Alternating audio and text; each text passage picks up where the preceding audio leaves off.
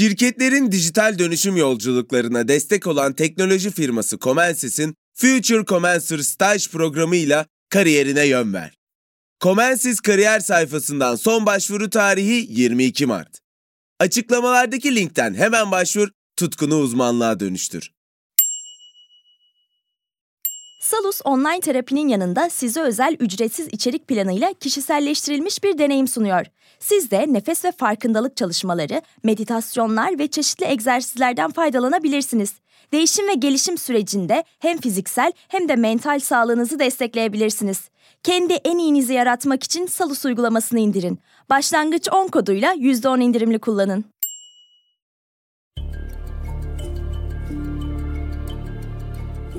Merhaba, ben Ali Yağız Baltacı. 2024'ün ilk bilgisel bölümünde sizlere geride bırakmış olduğumuz yılın en önemli gelişmelerini derledik. Hazırsanız başlayalım.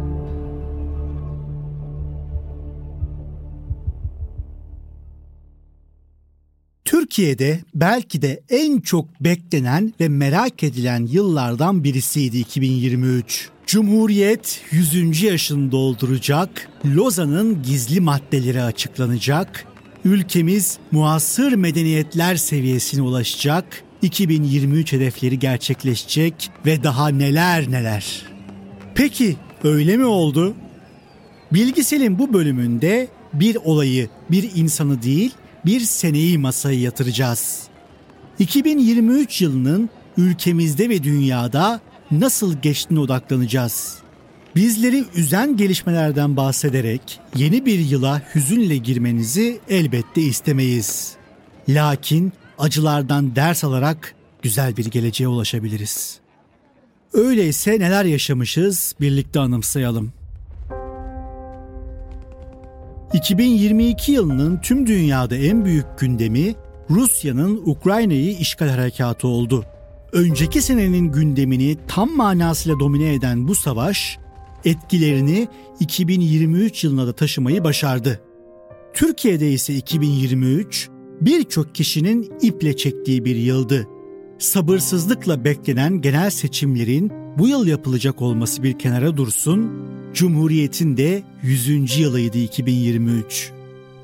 Ülkeyi 21 yıldır yöneten Adalet ve Kalkınma Partisi lideri Recep Tayyip Erdoğan da neredeyse tüm başbakanlığı ve cumhurbaşkanlığı boyunca 2023 yılını işaret ederek Türkiye'nin bu yıl hedeflerine kavuşacağının müjdesini vermişti.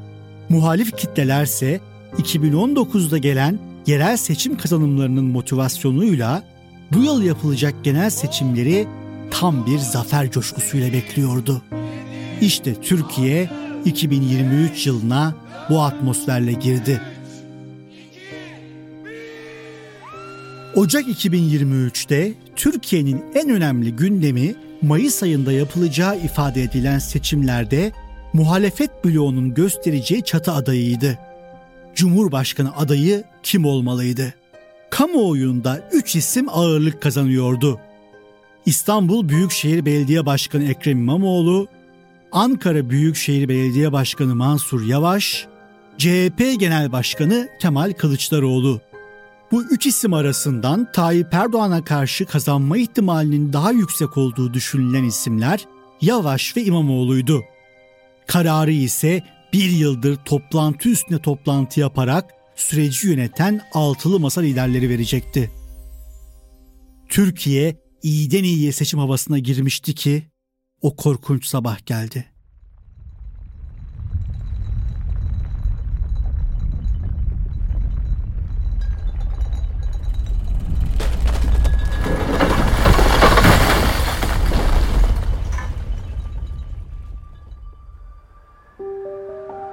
...6 Şubat sabahı Türkiye enkaz altında uyandı. Kahramanmaraş merkezli yaşanan 7,6 ve 7,7 şiddetindeki iki deprem ülkenin güneyini yerle yeksan etti. Sadece Cumhuriyet tarihimizin değil, coğrafyamızın ve dünyanın en büyük felaketlerinden biriyle karşı karşıyayız. Deprem Türkiye'nin 14 farklı şehrinde çok geniş bir coğrafyada hissedildi. Hatay, Kahramanmaraş ve Adıyaman'da ise korkunç boyutlarda bir yıkım meydana geldi. Bu öyle bir yıkımdı ki depremin ardından geçen zamanda insanlar durumun vehametini daha iyi kavradı. 1999 depreminden 24 sene sonra doğal bir afete karşı ne kadar hazırlıksız ve savunmasız durumda olduğumuzu bir kez daha anladık. Sosyal medyanın varlığı depremin boyutlarının hem daha iyi anlaşılmasını sağladı hem de yardım çalışmalarının hızlı ve organize şekilde yürümesine yardımcı oldu. Bununla birlikte manipülasyon ve bilgi kirliliği de aldı başına gitti.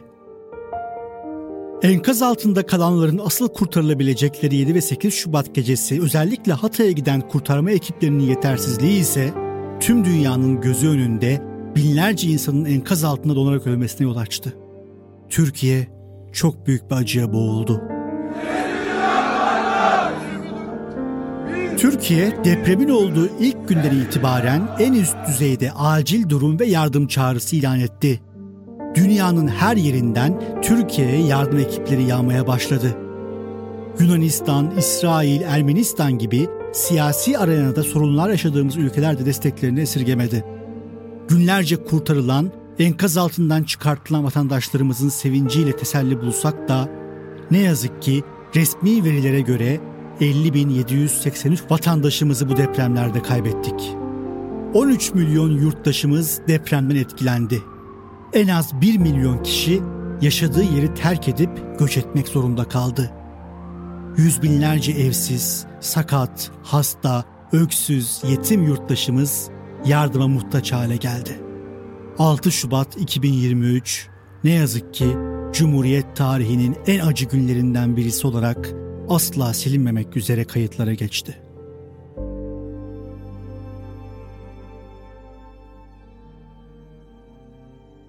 Türkiye'nin deprem gündeminden çıkması hiç kolay olmadı. 6 Şubat'ı takip eden günlerde bu koşullarda seçimlerin yapılmasının mümkün olmadığı, Cumhurbaşkanlığı seçimlerinin Kasım ayında veyahut 2024 Mart ayında yerel seçimlerle birlikte yapılması yönünde görüşler ortaya atıldı. Ancak seçimler için 14 Mayıs tarihinden geri adım atılmadı. Bunun üzerine altılı masada 2 Mart tarihinde olağanüstü toplanarak Cumhurbaşkanı adayını belirlemek için çalışmalarını hızlandırdı. Bir yıl boyunca toplantı üstüne toplantı yaptılar. Kıran kırana pazarlıklar, krizler derken aday dosyasını ancak açabildiler. Saadet Partisi Genel Merkezi'ndeki aday belirleme toplantısında tam manasıyla kıyamet koptu. Tam beş buçuk saat süren toplantıda farklı kaynakların aynı noktada buluştuğu ortak anlatıma göre özetle şunlar oldu. İyi Parti lideri Meral Akşener aylardır tekrarladığı kazanacak aday vurgusunu bir kez daha dile getirdi. Kemal Kılıçdaroğlu'nun doğru aday olmadığını söyledi. Millet ya Mansur ya da Ekrem diyor dedi. Konunun merkezindeki Kılıçdaroğlu ise her zamanki bürokrat sakinliğiyle mimik göstermeden tartışmaları dinledi. Ardından Akşener'i çılgına çevirecek o cümleyi söyleyiverdi. Tamam sıkıntı yok. Meral Hanım imzalamıyorsa beşimiz imzalarız.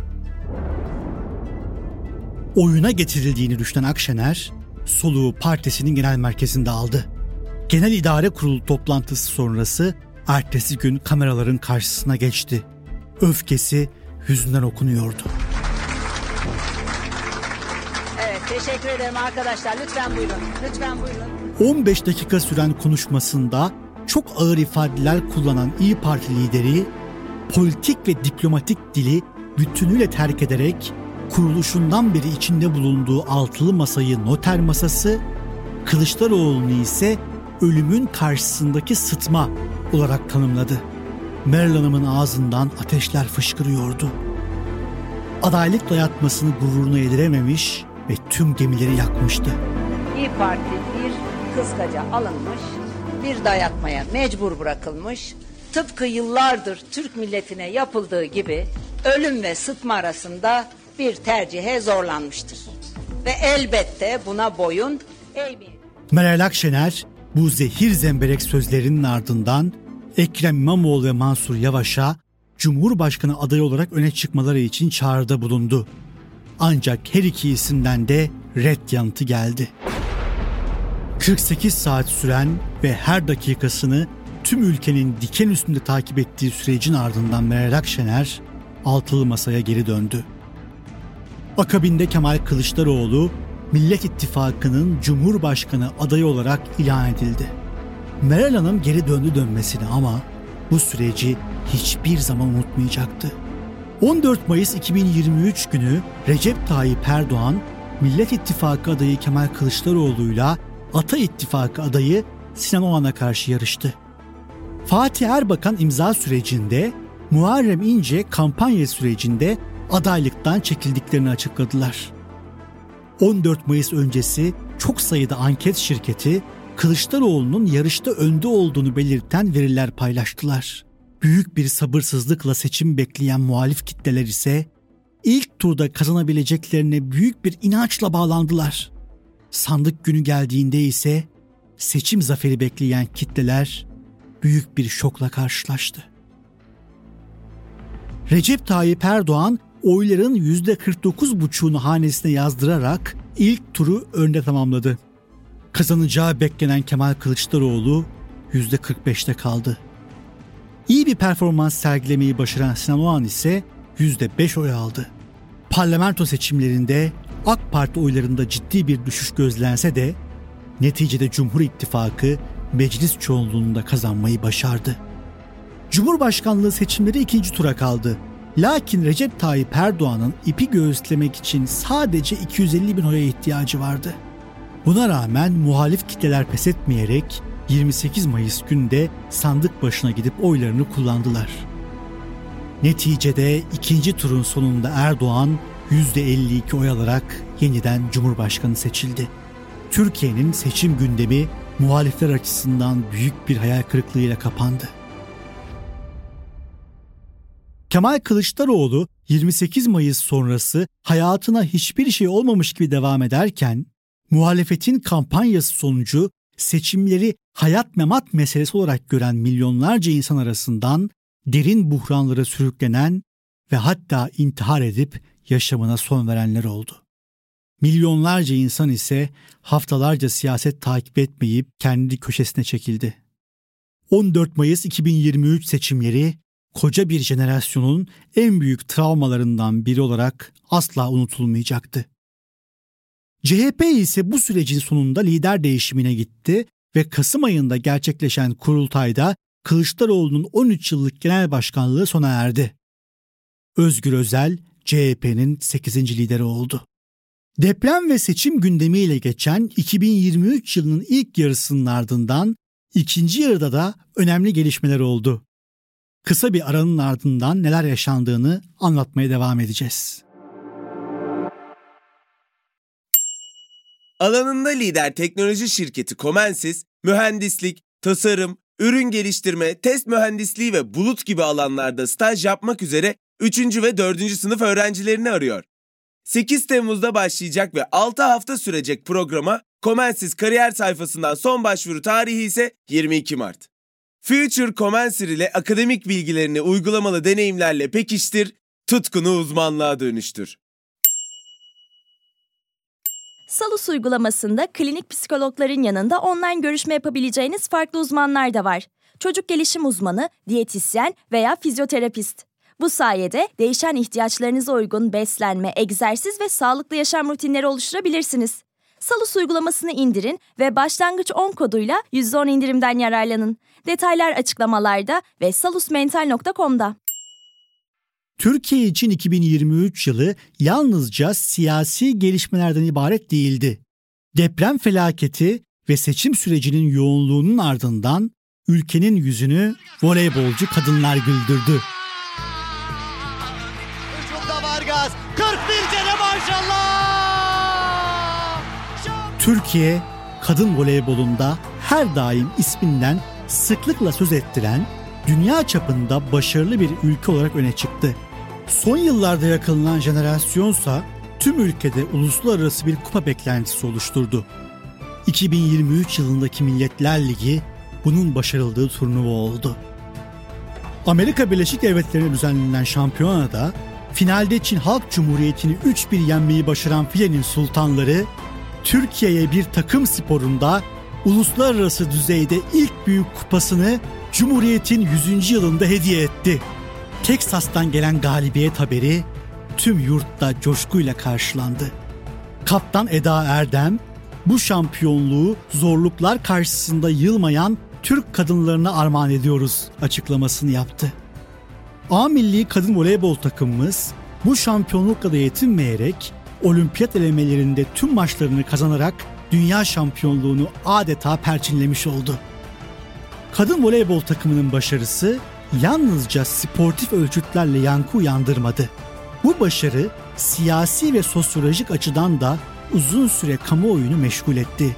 Kadın sporcuların Müslüman ağırlıklı bir ülkede bir spor branşında dünyanın zirvesine çıkması, Cumhuriyet devrimlerinin ve layık rejimin başarısı olarak lanse edildi. Sözcü gazetesi şampiyonluğu Atatürk'ün kızları manşetiyle duyurdu. Türkiye'nin seküler ve muhalif kesimlerinin şampiyon voleybolculara daha çok sahip çıktıkları gözlendi. Diğer tarafta ise özellikle milli voleybolcu Ebrar Karakurt'a yönelik iddialar ve eleştiriler yükseldi. Türkiye, alışkın olduğu kutuplaşma ortamını uluslararası bir başarıda bile sürdürmeyi başardı. Dünya 2023 sonbaharını yine savaş, şiddet ve acı ile geçirdi. İsrail-Filistin arasındaki tansiyon 7 Ekim'de doruk noktasına çıktı. Hamas'ın Aksa tufanı olarak isimlendirdiği baskınlarla sınırı geçen Hamas birlikleri İsrail sınırında yerleşim yerlerine saldırdı. 50'den fazla İsrail'in öldürüldüğü saldırılarda çok sayıda İsrailli de rehin alındı. Bu zaten 70 yıldır devam eden çatışmaların yeniden şiddetli bir savaşa dönüşmesi demekti. Baskınların ardından olağanüstü hal ilan eden ve savaş durumuna geçen İsrail tüm gücüyle Gazze şeridini bombalamaya başladı. İsrail lideri Benjamin Netanyahu ülkesinde aylardır kendisine karşı sürdürülen protestoların ardından kendisine adeta can suyu olan operasyonlarla tehlikede olan koltuğunu korumayı başardı. Yaptığı açıklamada Hamas'ın savaşma kabiliyetini sonlandırıncaya kadar harekatlarının devam edeceğini söyledi. 2023'ün son günlerine girerken Gazze şeridinde İsrail saldırıları hala devam ediyor. 7 Ekim ile 7 Aralık arasındaki 2 aylık süreçte ise binlerce çocuk ve sivil olmak üzere 20 binden fazla Filistinli hayatını kaybetti. Filistin'de tansiyon her yükseldiğinde gözlerin çevrildiği ülkelerden birisi olan Türkiye'de ise bu süreç farklı reaksiyonlar eşliğinde takip edildi. Cumhurbaşkanı Erdoğan ilk günlerde önceki tutumlarının aksine daha itidalli bir çizgide konuşlanarak tarafları şiddeti sonlandırmaya çağırdı. Rasyonel ve diplomatik bir çizgiyi takip etti. İsrail ile yeniden başlayan ilişkileri yıpratmamak adına bu şekilde hareket ettiği yorumları yapıldı. Ancak İsrail saldırıları şiddet dozunu arttırınca Erdoğan'ın tutumu da eski günlerdeki gibi sertleşti. Neticede son 15 yılda üçüncü kez Türkiye ve İsrail karşılıklı olarak büyükelçilerini geri çekti. Devletler arasında bunlar yaşanırken Türk halkında ise farklı tepkiler dikkat çekti. 2014 yılındaki İsrail'in Filistin saldırılarında gözlemlediğimiz toplumsal tepkinin özellikle son yıllarda artan sığınmacı karşıtlığı bağlamında Araplara yönelik bir kızgınlığa evrildiğini gördük. Bir tarafta ordu Gazze'ye sloganları atılırken diğer tarafta ise bu konunun Türkiye'nin meselesi olmadığı değerlendirmeleri yapıldı. Kısacası Türkiye her konuda olduğu gibi bu konuda da geleneksel kamplaşmalarını yaşamayı sürdürdü. Türkiye 2024 yılına Mart sonunda gerçekleşecek yerel seçim çalışmaları, yüksek yargıdaki çatışma ve hayat pahalılığı gündemleriyle giriyor. Yerel seçim sürecinde özellikle İyi Parti'nin tutumu, muhalefetin ittifak belirsizliği siyasi gündemin merkezini oluşturuyor. Bununla birlikte yazın gerçekleşecek Avrupa Futbol Şampiyonası ve Paris Olimpiyatları da sportif açıdan Türkiye'nin sabırsızlıkla beklediği organizasyonlar olarak öne çıkıyor. Almanya'da düzenlenecek Euro 2024'de Türkiye, tarihinde ilk kez grubunu lider tamamlayarak katılma hakkı elde etti. İtalyan teknik adam Montella yönetiminde Ay Yıldızlılar adeta kendi evinde gibi oynayacağı Almanya'daki finallere katılmanın heyecanını yaşıyor. Euro 2020'yi puan alamadan hayal kırıklığıyla noktalayan milli takım bu sefer daha iddialı. Sonrasında ise Paris'te düzenlenecek olimpiyatlarda özellikle kadın voleybol takımımızın maçları şimdiden sabırsızlıkla bekleniyor. Deprem felaketi, seçim telaşı, savaş gündemiyle geçen 2023 yılının sonunda tüm dinleyicilerimize umut ve barış dolu bir 2024 diliyoruz.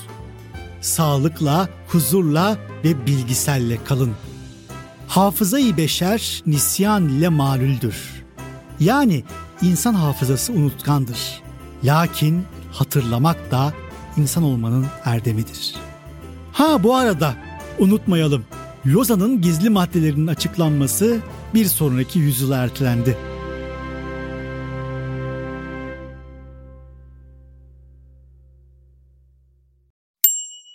Future Commencer staj programı ile kariyerine yön ver. Comensis 6 haftalık staj programı için 3. ve 4. sınıf mühendislik öğrencilerini arıyor. Comensis kariyer sayfasından son başvuru tarihi 22 Mart. Açıklamalardaki linkten hemen başvur, tutkunu uzmanlığa dönüştür. Salus yetkin psikologları ile terapiyi her yerden ulaşılabilir kılmaya devam ediyor. Yaşam tarzı değişiklikleri, adaptasyon sorunları, yalnızlıkla başa çıkma gibi konularda online terapi desteği için Salus uygulamasını indirin. Başlangıç 10 koduyla %10 indirimli kullanın.